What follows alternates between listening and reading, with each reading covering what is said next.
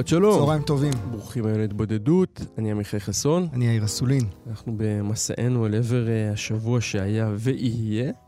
אנחנו נגיע היום לחרדים ולספוטיפיי ניל יאנג. ופרשת נילי יאנג, זה כבר נהיה פרשה, גם על זה נדבר, וסבא מסבודקה וגבריאלה אלישע. אבל חשבנו להתחיל בכמה מילים על התופעה המשונה שנתגלתה השבוע והתגלגלה לה ככה מתוכנית לתוכנית. מהרעיון לעובדה אל עבר האולפן של איילה חסון, ומשם לדעתי לכל תוכנית בוקר אה, כנראה בישראל 2022. מהמם. אנחנו מדברים כמובן על הריאיון עם אה, השופטת אה, לשעבר, אתי קרייף. או מה שמכונה קשר מיני חברי. כן, לא, על איזה שם, לא, מין תמורת מינוי, לא? זה כן, לא. אבל אני חושב שיותר ממין תמורת מינוי, מה שיש- לפחות מה שלי נשאר. בתודעה זה קשר מיני חברי. אני חושב שזה... אה, המושג שהיא היא טבתה. הגדרה נהדרת, כן. ומאוד שימושית. אני חוויתי איזה... אני עוד לא יודע איך אה, להגדיר לעצמי אפילו את, ה... את הרעיון הזה, את מה שהתגלה בו. אבל כן, אה, אמרתי לך באמת ככה רגע לפני השידור, שחוויתי איזו אבולוציה מסוימת ביחס לרעיון הזה. כלומר, אני חושב שהתגובה שה... הראשונית שלי, ונדמה לי שגם שלך, תקן אותי אם אני טועה, זה של, של תדהמה. של איך הדבר הזה בכלל יכול להתקיים בפריים טיים, איך התודעה יכולה להוציא את המילים האלה החוצה, לדבר באופן הזה, לעשות את הצעד הזה שנראה, ראיתי איזו רשימה, אני חושב, בארץ יום אחרי, שהיא עוד תצטער על הרעיון הזה, זה צעד כמעט התאבדותי, לכאורה. לכאורה, ב... בהתמסרות שלו, וגם מתמונת המראה שלו, אגב, איך הדבר הזה מתקיים במרחב, דווקא במרחב של עובדה. ועל כל מה שהוא מסמל בתוך התקשורת הישראלית, לטוב ולמוטב. אה, זו הייתה החוויה הראשונית. אני זוכר מה שראיתי את זה... הפה- הפעור, מה כן, שנקרא. לא ראיתי את זה בשידור ישיר, ראיתי את זה אה, לתוך הלילה, והייתה ממש את התחושה הזו מאוד מאוד חזק. ואז הלכתי לישון וקמתי עם זה בבוקר של יום אחרי, בבוקר של שישי, וקמתי עם תחושה, תחושה, אני אגיד חמוצה, ביחס לדבר הזה, מהבחינה שמצד אחד הרגשתי שאי אפשר לפתור את כל מה שקרה שם בתדהמה.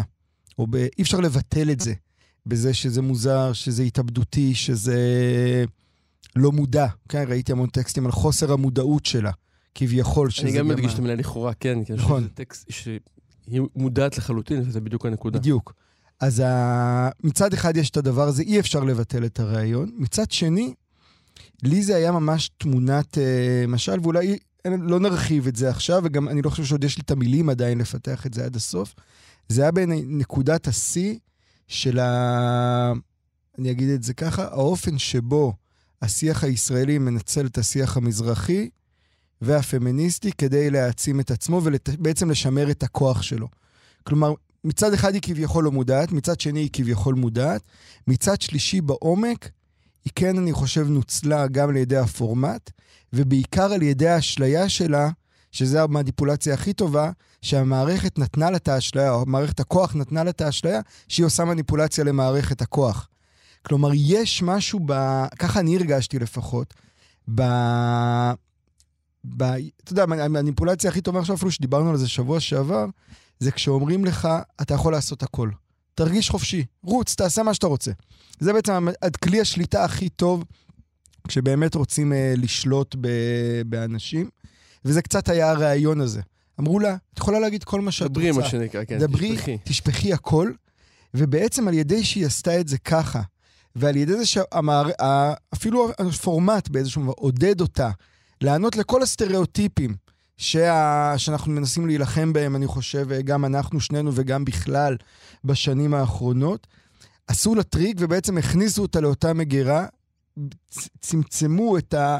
את מוטת ההשפעה של דברים מאוד משמעותיים שהיא אמרה. כלומר, בסופו של דבר, בניקוי הכל, יש שם איזה חוסר אמון עמוק שמתחבר להרבה דברים שאנחנו מדברים עליהם פה, ומתחבר להרבה תהליכים שקורים ממילא, ואפילו מת... התחבר קצת בהפוך על הפוך למה שנגיד עוד, עוד מעט בהמשך על אה, ניל יאנג וג'ו רוגן והעימות שם, כלומר איזה רצון לצנזר את, ה... את מה שיוצא החוצה, לשלוט אה, במאחורי הקלעים של הסיפור. וזה קצת החוויה שהייתה לי שהיא לא... אני לא מרגיש שהיא מבולבלת, אבל היא עוד לא מתכנסת ל... לאיזושהי מסקנה אחת ברורה. מעניין שאמרת שאתה מרגיש שזה אה, נוגע בנקודה המזרחית, כי אני ראיתי את זה, והתגובה שלי אחרי הפה הפעור הייתה יותר של האמריקניזציה המוחלטת שלה אנחנו עוברים. כלומר, העובדה שקוריוז ממהותו יכול אחר כך לייצר כל כך הרבה פולו-אפים, uh, ולייצר קריירה שלמה מעצם היותו קוריוז. או החמש רדקות התהילה האלה, שפעם היו מוגבלות לתוך מרחבי ריאליטי, הם כבר השתלטו לחלוטין על כל המרחבים האחרים, ובסופו של דבר, אגב, זה חלק מהטענות המובלעות שלה, mm-hmm. בנוגע לעולם המשפט והיכולת למנות שופטים וכולי, שאגב, שוב, כמו שאמרנו, יש בהם גם אה, אה, כשלעצמה ממש, אבל הצורה שבה היא נעשתה, היא צורה שכבר, היא לא דיברה למצלמה של עובדה מהבחינה הזאת. דיברה למצלמה של האח הגדול. זה מעניין, אתה פעם... אפילו מבחינת האסתטיקה של הפריים. אתה פעם הקראת פה טקסט מאוד יפה של אדם ברוך על הבבא ברוך. זוכר? על, ה...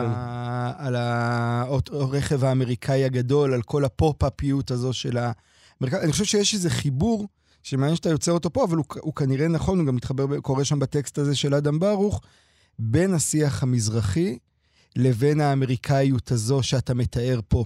ואני מרגיש שוב שהיא חלק מהמניפולציה, כי מה שהיא בעצם רצתה לעשות הרי, היא רצתה להגיד, הם אולי נראים יותר מנומסים, יותר סטריליים, יותר נקיים, פחות בוטים ממני או פחות מוחצנים ממני, אבל בעצם שם מתחת למאחורי הקלעים יש הרבה, לא, לא פחות רפש. הרק, הרקב גדול הרקבון, אפילו יותר. הר, כן. כן, נגיד ככה, לא, לא יותר uh, קטן ממה שקורה פה. ובעצם זה שהיא עשתה את זה, היא ביטלה את הטענה של עצמה. כלומר, בעצם זה שהיא עשתה את זה באופן שבו היא עשתה את זה, היה קל להרבה מאוד אנשים להגיד, בסדר, זה היא עם כל הביטויים שהצמידו לה, וזה לא התופעה. וזה, אני חושב, הטריק הזה שאנחנו כל הזמן רואים אותו, זה קצת ה... בראש שלי, ובגלל זה זה התחבר לי למזרחיות, זה קצת אה, ועדת ביטון כזה, אוקיי? בואו ניתן לכם ועדה של מזרחים שיחשבו על מזרחים, שיכניסו תכנים מזרחיים וכולי וכולי וכולי, נשאיר אתכם באיזשהו גטו תוכני מסוים, אתם תרגישו טוב, אנחנו נוכל לבלבל את המוח על זה שעשינו משהו, ובעצם שום דבר לא יתערער באמת. וזה איזושהי מניפולציה כזו שאנחנו, אני מרגיש שה, שהיא ממש, זה עכשיו אפילו מתחדד לי יותר, שקצת אפילו בראש שלה, כמו אם אני יכול לדמיין את זה, היא ממש נפלה לפח הזה, שבו אמרו לה, בואי. והבואי הזה זה אולי הסימן סכנה הגדול ביותר.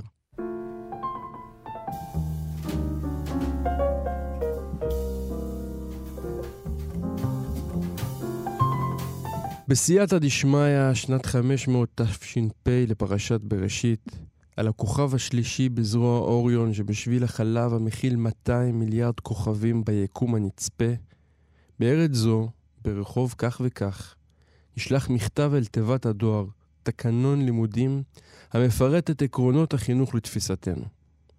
סעיף ד' על התלמידים להגיע בכיפת קטיפה שחורה שבשוליה תפור סרט.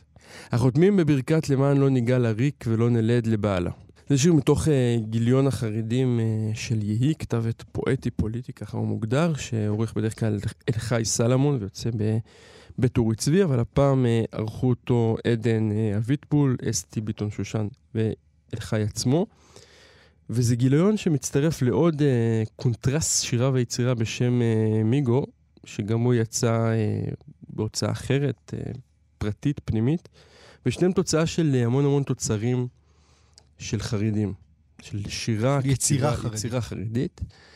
אה, דיברנו פה בשבועות הקודמים, בעיקר סביב הפרשה של חיים ולדר, על התהפוכות שהחברה הזאת הופכת, או השינויים די, הדי טקטונים שקורים שם, ותהיתי מתי הגיע השלב הזה, שבו שלב היצירה. כן, זאת אומרת, אני חושב שגם בעולם הדתי-לאומי אה, היה את הרגע הזה בערך בסוף שנות ה-80, שהפסיקו לכתוב עליו מבחוץ והתחילו לכתוב אותו מבפנים. היו לזה יתרונות, היו לזה חסרונות, אני לא רוצה להיכנס כרגע לסוגיה עצמה, אבל העולם החרדי פרנס המון המון יצירה שפשוט לא נעשתה על ידי חרדים, היא נעשתה על ידי אנשים או שיצאו מהעולם החרדי, וממילא הביטו עליו.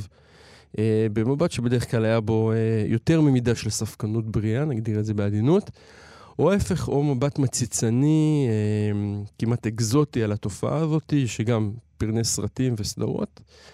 ודווקא בצורה מוזרה, העולם של הקולנוע, דרך בעיקר חוזרים בתשובה, צריך להגיד, קיבל איזה ביטוי. זאת אומרת, העולם החרדי הצליח לראות את עצמו על המסך בצורה אותנטית, אבל הכתיבה של אנשים חרדים עדיין נשארה מבחוץ.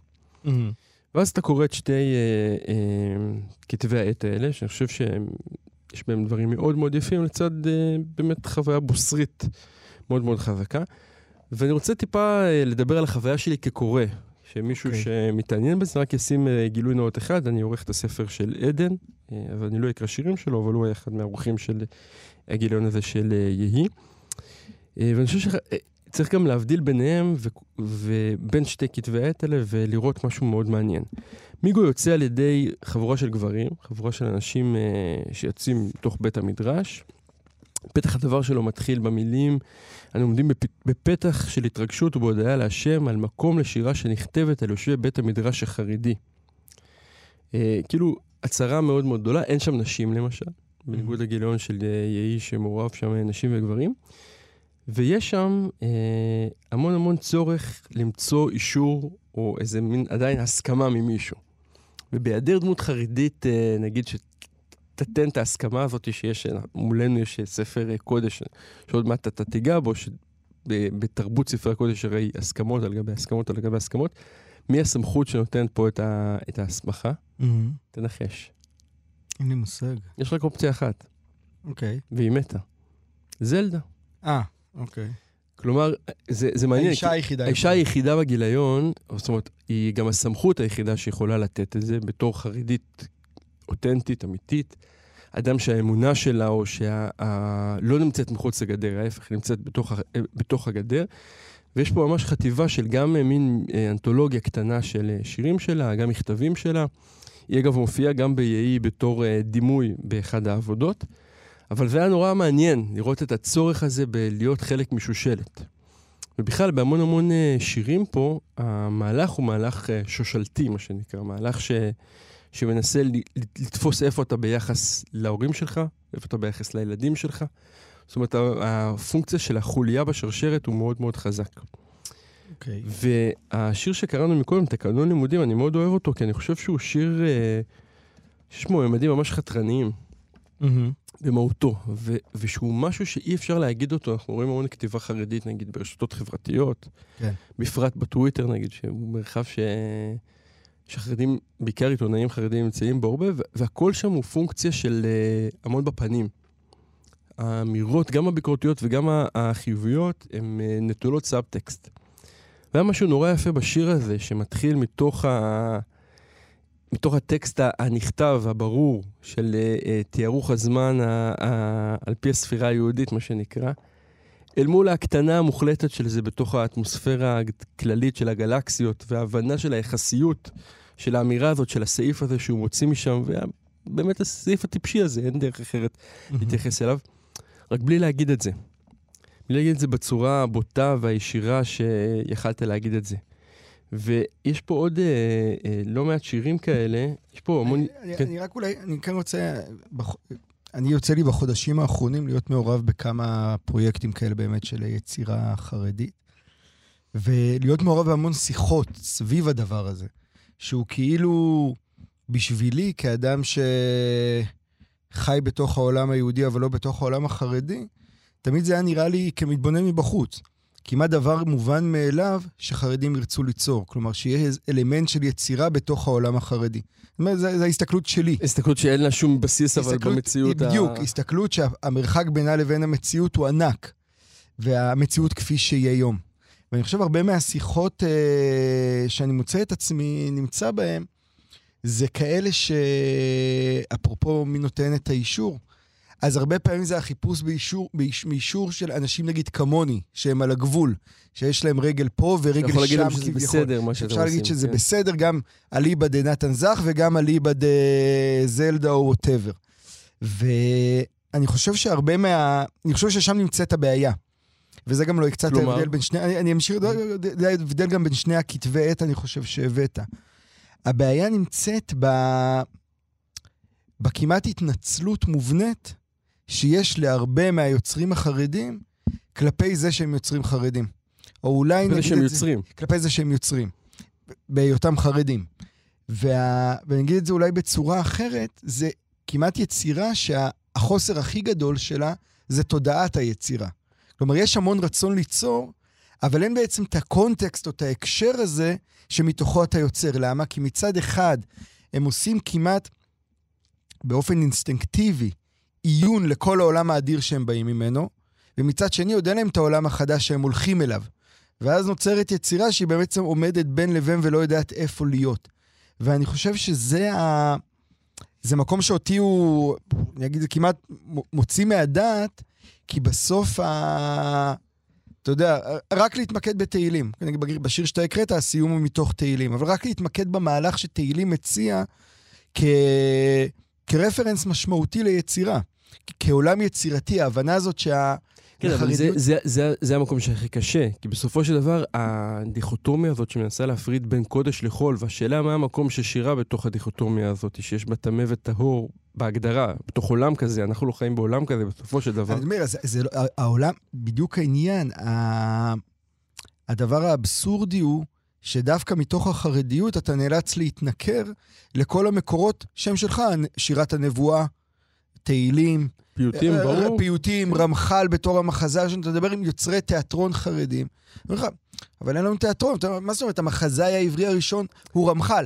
עכשיו, ולכן מאיפה, ולכן ההסמכה הזאת מזלדה, כלומר זה מגיע מאותו מקום, אתה לא יכול באמת ללכת אחורה לתוך הטקסט הקנוני האמיתי. אתה כביכול, אתה מרגיש שאתה לא יכול. כי הוא קדוש מדי.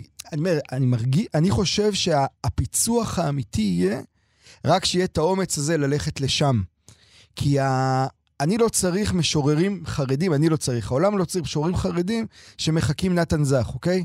אתה צריך כאלה שחופרים בעצמם ובעולמם הפנימי ובעולמם האסתטי, שהוא אדיר והוא אינסופי, והם פועלים מתוכו לכתחילה, לא באיזשהו דיעבד.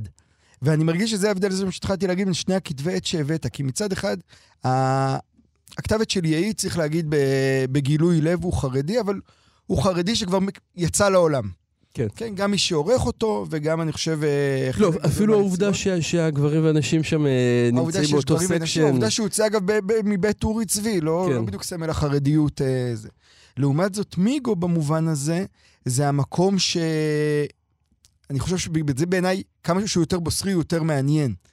כי, ה... כי מצד אחד, הוא פחות בשל עדיין, אבל מצד שני הוא מסרב לוותר על בית המדרש. כלומר, וזה כוח מאוד מאוד מאוד גדול. בהתעקשות הזו להישאר שם, בלי, בלי לדעת מה, מה יצא מהסלע הזה, אבל כאילו עדיין לא לתת לו את המכה. זה נורא יפה מה שאתה אומר, כי בסוף המיגו יש, אה, הם קוראים לזה שקלא וטריא, קטעים מתוך שיח שירה, שזה גם ממש, אה, אתה יודע, זה הזכיר לי קצת את אה, שיח לוחמים, אפילו בצורות שזה, בשמות בסוגריים, בשמות הפרטיים, אתה יודע, כן. כאילו זה משהו. ואתה רואה פה את הבושה שמתלווה, אני לא, אני לא רוצה לקרוא את כל הקטעים, אבל כאילו, רק פתיחה נגיד של קטע. הראיתי לחבר טוב שיר שכתבתי, זה היה ממש בתחילת הדרך. אני לא זוכר איזה שיר זה היה, אבל בתוך השיר הופיעה המילה ירח כדימוי. חבר קרא, עיקם את האף ושאל, רציני? כתבת שיר על הירח? מה הקטע? כאילו, הבושה הזאת ש, שמתחלפת... שאלת ההצדקה. שאלת ההצדקה אל מול, הנה, בחור בשם אריה שאומר, חשוב לי להדגיש שהעולם החי שממנו נובעת השירה שלי הוא העולם האמוני. יש גם שירים של רגשות פשוטים וחיים שיכולים לראות ניטרליים, אבל בתשתית תמיד יש את העולם האמוני ואת מערכת האסוציאציות שלו. וזה באמת אפולוגטיקה של עצם המעשה הזה, ואתה צודק, יש פה משהו בגולמיות הזאת של, אה, אה, של כתבת של בית המדרש, שהוא כאילו יותר אותנטי באיזשהו מובן. זה לא רק אותנטיות במובן האקזוטי של המילה, אלא אני חושב מבחינתי זה ה... היכולת לפעול, אני מרגיש, זו מגמה שאני מרגיש אותה מאוד מאוד חזק, אגב, לא ביצירה, בכלל אצל חרדים שכאילו פונים לעולם החילוני הפתוח, אני רואה את זה בהמון שיחות, שהם כאילו מתנצלים. אני זוכר פעם ישבתי עם איזה בחור, איזה כזה מישהו שעסוק בשילוב חרדים בחברה הישראלית, ובמשך שעה הוא הסביר לי כמה החברה החרדית תפוקה. עכשיו, אמרתי לו, תשמע, אני לא חרדי, אבל אתה חרדי. והיכולת וה... שלך כאילו לפעול מתוך מקום, מתוך זה שאתה מאמין בחברה שלך, היא קריטית כדי שהדבר הזה יצליח. וזה, אני חושב, איזה מקום... בכלל שכל סוכן שינוי. בדיוק. שחייב לפעול... תמיד סוכן שינוי יש את האשליה, אפילו אתה יודע מה שדיברנו מקודם על אתי קרייב, זה בדיוק זה. כלומר, יש את האשליה הזו שאם אני אשחק את המשחק, אני אקח את התפקיד, המציאות מייצרת לי איזשהו תפקיד, אז אני אייצר שינוי. אבל הצינוי, השינוי נוצר, זה מה שקאנט מלמד אותנו, עמנואל קאנט, רק שהאוטונומיה שלך מאוד מאוד מאוד ברורה. ופה בין שני כתבי העת האלה, באמת אני מרגיש שלמיגו יש אוטונומיה. לי אין אוטונומיה. או האוטונומיה שלו היא באמת אה, לוס בצורה מאוד מאוד משמעותית.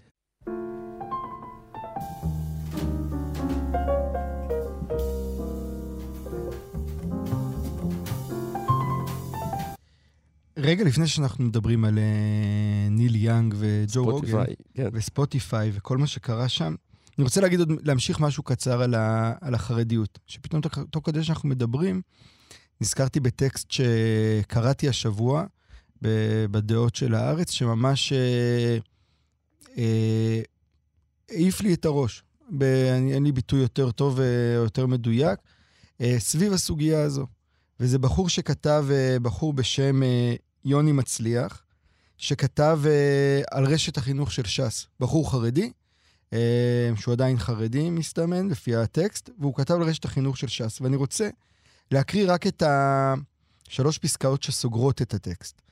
כדי, אה, לא יודע, אני חושב שזה חשוב לתוך ההקשר הזה שאנחנו מדברים וחושבים עליו. הוא כותב ככה: ברשת החינוך של ש"ס חינכו אותנו להתגאות בבורותנו, לבוז לאבלי העולם הזה, במרכאות, לכל דבר גשמי ולכסף, ולהודות על כל רגע שאיננו כמו המסכנים שלמרבה הצער נאלצים לעבוד לפרנסתם במקום להיות בני תורה.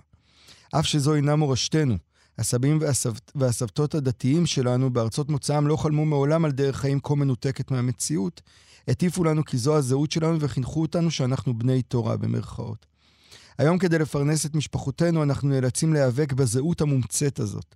להילחם בקולות העבר המייסרים, אתה למדת כל כך הרבה, היית מתמיד, איך תעזוב הכל ותלמד מקצוע? אתה, דרעי, וחבורת העסקנים, מנהלי התלמוד תורה ובתי הספר, חרצתם בעזות פנים את גורלנו ואת גורל, גורל ילדינו. מי שמכם? האם תתנצלו לפני הורינו המאוכזבים, הדור שהקריב את חייו כדי שלא נגדל כמוהו? גרמתם להם להאמין שהם עושים את הדבר הנעלה ביותר, ושאנחנו נהיה בני תורה ותלמידי חכמים, אבל אנחנו אכזבנו אותם. רק מפני שאנחנו רוצים להתפרנס בכבוד, ושאיפתנו היא להיות חרדים ויראי שמיים בעולם המעשה ולאו דווקא בין כותלי בית המדרש. האם תתנצלו לפני נשותינו, שמאמינות בנו ונשארות איתנו אף שאכזבנו אותן? הלא רק לפני שנים אחדות הבטחנו להן בפגישות השידוכים שכמובן נקדיש את חיינו ללימוד תורה. הרי לא הייתה כל אפשרות אחרת, כך חינכתם אותן ואותנו. גבר שאינו מקדיש את חייו ללימוד תורה הוא גבר סוג ב'. הן היו מוכנות לתת הכל כדי לזכות בנו, ואכזבנו אותן. מה לעשות שנפשנו אינה מוצאת מנוחה בלימוד בבית המדרש מבוקר עד ערב? היא חפצה ליצור, ללמד, לשאת ולתת, להיות בתוך עולם המעשה. האם תתנצלו בפני ילדינו, שעלולים להיות מטרה ללעג ולבוז בחדר ובתלמוד תורה בעוון אביהם שנהפך לבעל בית ועזב את הכולל? האם ישמעו שם שאביהם חלש אופי, שהוא לא עמד בניסיון ולא זכה להיות בן תורה? אני יודע, אתם לא תתנצלו. במקרה הטוב לא תגיבו, ובמקרה הרע תתקפו אותנו ותדביקו לנו כינויים למכביר. אבל אני כאן היום בשביל להודיע לכם, חבריי ואני לא נרים ידיים. אמנם אנחנו נאבקים בכל יום כדי לזכור, לסגור את הפערים שהורשתם לנו, להשלים בגרויות, לרכוש מקצוע, לסיים תואר, להתקבל למקומות עבודה, לפרנס בכבוד ועדיין לשמור על מעמדנו בתוך הקהילה, לחיות בעולם המעשה כשווים בין שווים. נכון, יש לנו הרבה להשלים ואנחנו משלמים מחיר, אבל אנחנו נלחמים למען ילדינו, שיגדלו כחרדים, לא שקופים ולא חלשים, ויוכלו לבנות את עתידם בעצמם, לפי כישוריהם ורצונותיהם. לא נשלח את ילדינו ללמוד בבית ספר שיהפוך אותם לחלשים ושקופים ותלויים לעד בתמיכה. ילדינו יהיו חזקים ועצמאיים. אכן החינוך מתחיל בבית. החינוך, החינוך ממלכתי חרדי והטמעת לימודי ליבה הם התחלה טובה ליצירת אטמוספירה חברתית אחרת. בריאה יותר, ערכית יותר, לא תלותית ולא מתקרבנת. אנחנו וילדינו חרד, חרדים, אבל בשום אופן לא שקופים ולא חלשים. האמת שטקסט חזק מאוד. טקסט חזק מאוד, נכון? איך קוראים לו? אה, יוני מצליח. ש... אני חושב שזה הכל כאילו מתחבר, כל המגמות האלה, הוולדר, היצירה, טקסטים מהסוג הזה, איזושהי תחושה שה... לי, לי כשאני קורא טקסט כזה, אני אומר, ישראל, לישראלים כמעט אינו מצליח לכתוב טקסט כזה. על הצבא, על מה שקורה. לצאת כנגד הממסד של עצמם. לצאת נגד המערכת כן, כן. בעצם כן. של עצמם, נגד האתוס שלימדו אותם, ובמובן זה בעצם, דיברנו על זה כמה פעמים. גם בחברה הפלסטינית רואים את זה מאוד חזק, ואני חושב גם בחברה החרדית, את האומץ הזה, או אולי מצד שני את הזה שאין מה להפסיד, בלצאת החוצה, זה ממש טקסט הישרדותי. זה בן אדם שממש נאחז במשהו כדי לא ליפול. זה ככה, רציתי להקריא את זה בתוך הרצף שלנו.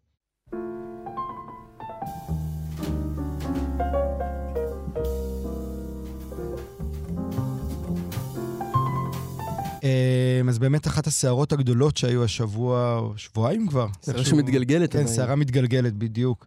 אה, הייתה הדרישה של ניל יאנג להוריד את ה... ושל ג'וני מיטשל שהצטרפה אליו אה, באיזשהו נראה לי שלב. מצטרפים ככה עוד ועוד. מצטרפים כאלה פחות, אה, כאלה שנראה לי רוצים רק להצטרף לניל יאנג וג'וני מיטשל בעיקר. להיות רשומים כן, להיות באותו רשומים חבורה. בדיוק ב- ב- בש- בהמשך. ג'וני, אני ונילי. כן. ניל, ניל, ג'וני ואני. אה, נגד ספוטיפיי, בדרישה, כביקורת, אני חושב, על פודקאסט, שהוא באמת נחשב הפודקאסט המצליח ביותר בעולם, אני חושב שיש לו 11 מיליון האזנות לפרק או משהו פודקאסט כזה. הבית של אה, ספוטיפיי. והוא פודקאסט הבית של אה, ספוטיפיי, שקנתה אותו ב-100 מיליון דולר. אה, וזה הפודקאסט של ג'ו רוגן, שהוא סטנדאפיסט וסוג של מארח באמת, אה, וכמעט, אני חושב גם אה, הפך להיות כמעט גורו להרבה מאוד אנשים שככה חשוב להם מה הוא חושב ומה הוא אומר. ובפודקאסט שלו הוא מארח כל מיני אנשים אה, לשיחות מכל הכיוונים ומכל הצדדים. והוא אירח שם גם שני פרופסורים, אני חושב, שהם התנגדו לחיסונים. והביקורת שם הייתה על, על פתחון הפה הזה, שהוא נותן בפודקאסט המאוד פופולרי שלו למתנגדי חיסונים, חיסונים נגד קורונה נגיד, ועל זה ניל יאנג בעצם ביקש שאו שיורידו את הפרקים האלה, החליטו מה שנקרא, אני כן. או הם. כן. או שיורידו את הפרקים האלה, או שהוא יסיר את המוזיקה שלו מספוטיפיי. והדבר המדהים זה שהיינו מצפים שספוטיפיי ילכו עם ניל יאנג, והם הלכו מאוד מאוד חזק עם ג'ו רוגן, ולא לא נכנעו לדרישה הזו. ובעיניי, ה... זה משל מאוד מאוד מעניין לכל מה שקורה ולכל מה שהולך לקרות יותר ויותר עם הזמן. כי הרי הסיפור פה לא, באמת, הוא לא באמת ניל יאנג, והוא גם לא באמת ג'ו רוגן, והוא לא באמת החיסונים. יש דברים יותר מסוכנים כמו ש... יש דברים מסתובבים ב- כן. בפודקאסטים עלומים. החיס- ב- בדיוק כן. מעניין החיסונים. עלומים יותר או פחות, וגם אצל ג'ו רוגן עצמו. וניל יאנג, אה, אני בטוח שהחיסונים זה לא הדבר הכי חשוב בחייו. וגם ג'ו, ג'ו רוגן הביא גם עמדות הפוכות אה, ומורכבות. אני חושב שיש פה מאבק מאוד מאוד מעניין שאנחנו עסוקים בו, ובגלל זה גם אני רוצה לסמן את הסיפור הזה, כי הוא, הוא המחשה מאוד טובה לזה בין באמת אנשים שהתרגלו למציאות שבה אם אתה ניל יאנג, אתה שולט בצורה כזאת או אחרת במה יכול להיות בשיח. אתה שולט בשיח. אתה יכול להטיל וטו על תכנים מסוימים, אתה יכול לאפשר תכנים אחרים. אל מול המהפכה הגדולה של, ה... של ספוטיפיי, לא רק בפודקאסטים, בכלל הרעיון של ספוטיפיי, והוא הדמוקרטיזציה של התוכן. כלומר, היום אתה לא צריך לנסוע, ל- אני זוכר בתור ילדים, נערים, אני יודע מה, איך היינו נוסעים לדיסק סנטר. ה... בדיוק, לשמוע איזה קטע קטן, או אחר כך, כשהייתי בגרמניה, ואז הייתי, עד היום, אבל אז הייתי, גיליתי את עולם המוזיקה הקלאסית, אתה מוצא הקלטות נדירות של הפילהרמונית של ברלין וכאלה. היום אתה פשוט, הכל נמצא לך בתוך הספוטיפיי, מה שמייצר דמוקרטיזציה עצומה מבחינת הנגישות, ואגב, אתה לא חייב אפילו לעשות מנוי, אתה יכול פשוט להיחשף לפרסומות. וזה גם עולם, אני חושב, הפודקאסטים. ונדמה לי שה... זה הדבר שהכי מאיים על אנשים כמו ניל יאנג, וזה עצוב להגיד שזה כמו ניל יאנג, כי ניל יאנג הוא הרי מסמלי תנועות המחאה של שנות ה-60 באמריקה, 60, 70 וכולי, אבל אפילו הוא, אני חושב, זה ממש ההיפוך של האנשים שהיו סמל החירות בשנות ה-60 וה-70 של המאה ה-20, והופכים להיות סמלי המאבק בומרים. בחירות. לא, מאבק בחירות, אני חושב שזה ממש אנשי עבר. היסטורית תמיד רואים את זה. זה כמו שאתה קורא את, ה... את הביקורות של רומנים שאמיל זולה קיבל במאה ה-19 מכביכול סופרים מהפכנים לפניו, אפילו מכאלה שהיו חברים שלו, אחים גונקור ואחרים. ואתה ממש רואה את האנשים שמחזיקים בכוח כשהם מרגישים שהוא מתערער, איך הם מיד מסתגרים פנימה, ממש מתבצרים. וזה מאבק על ביצורים. זה מאבק על כוח, כל מה שקורה כרגע עם, עם ספוטיפיי, ולכן זה מדהים אגב, או לא מדהים, לכן חשוב להבין למה ספוטיפיי הולכים דווקא עם ג'ו רוגן. כי בלי ג'ו רוגן אין לספוטיפיי הצדקה. ספוטיפיי מבינים ספוטיפיי שבעולם... תחיה בלי, כן, בלי הארסנל של ניל יאנג. זה, זה לא רק הקיום בלי ארסנל של ניל יאנג, זה ה... ניל יאנג כשם קוד, כן? אם אתה הולך עם העמדה של ניל יאנג כשם קוד, אז ספוטיפיי לא שווה כלום. ספוטיפיי, הבשורה הגדולה שלה, הקונספטואלית, אני חושב תמיד אנחנו מזכירים את זה פה, שהמהפכה הטכנולוגית היא הרי קודם כל מהפכה קונספטואלית. הקונספט הגדול הוא בדיוק הקונספט הזה של הדמוקרטיזציה. אגב, בגלל זה גם צריך להגיד, אני חושב שלהרבה ישראלים שלא מקשיבים לג'ו רוגן, ורק מכירים, רואים את הדמות הזאת השרירית שתומכת בטראמפ, הכוח הכי גדול של הפודקאסט הזה, הוא לא בזה שהוא באמת פונה לכל, ל... לשכבות הנמוכות ומייצר פופוליזם. אני חושב שמי שמקשיב לזה רואה שהתכנים שם הרבה יותר מורכבים. אני חושב הכוח הכי גדול שלו זה ביכולת שלו לייצר פלטפורמה שמכילה המון המון עמדות סותרות ומנוגדות. כלומר, באמת זה המקום הזה שבו מתנגדי חיסונים ואנשים שבעד חיסונים, ואנשים עם תיאוריות קונספירציה מטורפות לצד אנשים כמו אילון מאסק, או אני יודע מה, כאלה יכולים להתקיים. אנשי מיינסטרים, כן. אנשי מיינסטרים לגמרי. אין פוליטיקאי, הרי היה את הפרופיל היפה, שאני חושב שהתפרסם גם בעברית בהארץ, שהניו יורק טיימס עשה על ג'ו רוגן. ושם בלי קשר בסוגריים, הקוריוז הרי הכי מעניין היה שהניו יורק טיימס תמיד תקף את ג'ו רוגן, ועכשיו הוא סירב להתראיין לניו יורק טיימס, שזה היה איזה היפוך יפה איפה הכוח נמצא. אבל אה, בפרופיל הזה הם תיארו שממש אין היום פוליטיקאי משמעותי שלא מנסה להשיג שיחה ה... אצלו. מישהו, מס... מישהו נותן לו להגיע. זה מזכיר לי, היה השבוע את פסטיבל uh, סיום uh, כהונתו בלתי נגמרת של רזי ברקאי בגלי צה"ל, mm-hmm. אף אחד לא הזכיר בעיניי את הציטוט הכי רלוונטי. המנהל של האינטרנט. כן, הרלוונטי ביותר, רזי ברקאי, שמבקש איפשהו בסוף שנות ה-90, אה, מבטיח למאזינים, שאחרי, עוד מעט יהיה איתנו אחראי על האינטרנט, ואנחנו נשאל אותו איך הדבר הזה מתאפשר בממלכתו. ובסוף, בסוף, בסוף, יותר אנשים לקחו את זה למקום של הניי שלו כלפי מדינת ישראל שהשתנתה ו... שברחה לו. הברברים השתלטו עליה. אבל אני חושבת שהציטוט הזה בסוף הוא תמצית כל, ה... כל הסיפור. מסכים לגמרי, אבל אני חושב שאסור שה... שזה יישאר רק ברמת הקוריוז של הציטוט. כלומר, אני חושב שיש משהו מאוד מסוכן ומאוד אלים, אגב, במה שניל יאנג עשה או ג'וני מיטשל, וזה לא... מי שחושב שהוא כאילו בצד הנכון של הדבר הזה, יגלה מהר מאוד שכשאתה מצמצם חירות, אי אפשר לשלוט בזה. זה מצטמצם מכל מקום.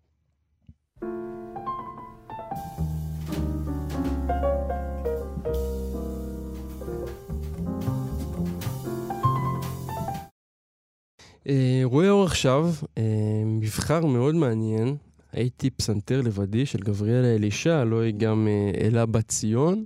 אחת המשוררות המעניינות והמשונות שהסתובבו בירושלים ובכלל. מי שהתחילה כמעין יונה וולך סטייל, ועשתה באמת מהפכה עצמית, של ממש תהליך של השמדה עצמית ובנייה שלה מחדש.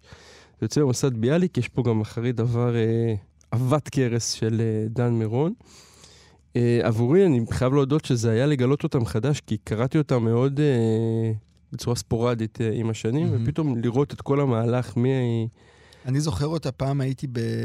וואו, אפרופו המנהל של האינטרנט, היה בלוגים כאלה באתר בננות.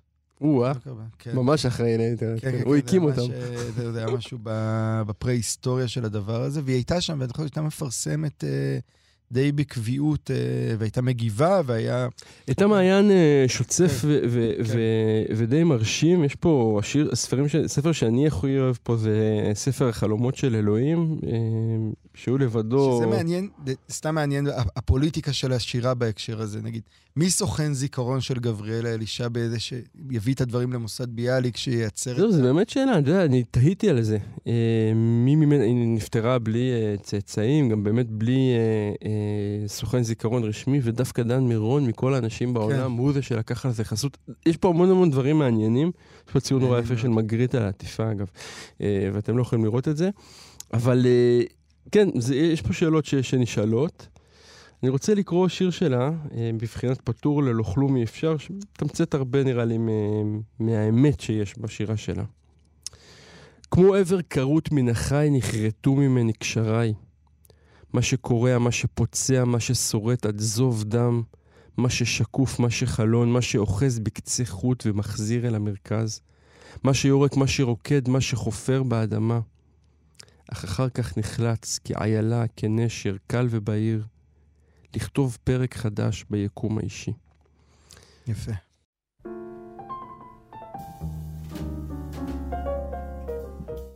אז אה, עם גבריאל אלישע אה, נסיים, או אלה בת ציון, או לא יודע, המון שמות היא החליפה וזהויות, וזה ספר נורא מעניין, אם אתם לא מכירים אותה, אה, שווה להכיר. טובה להיחשף אל הפרסונות שאכלסו את הראש שלה.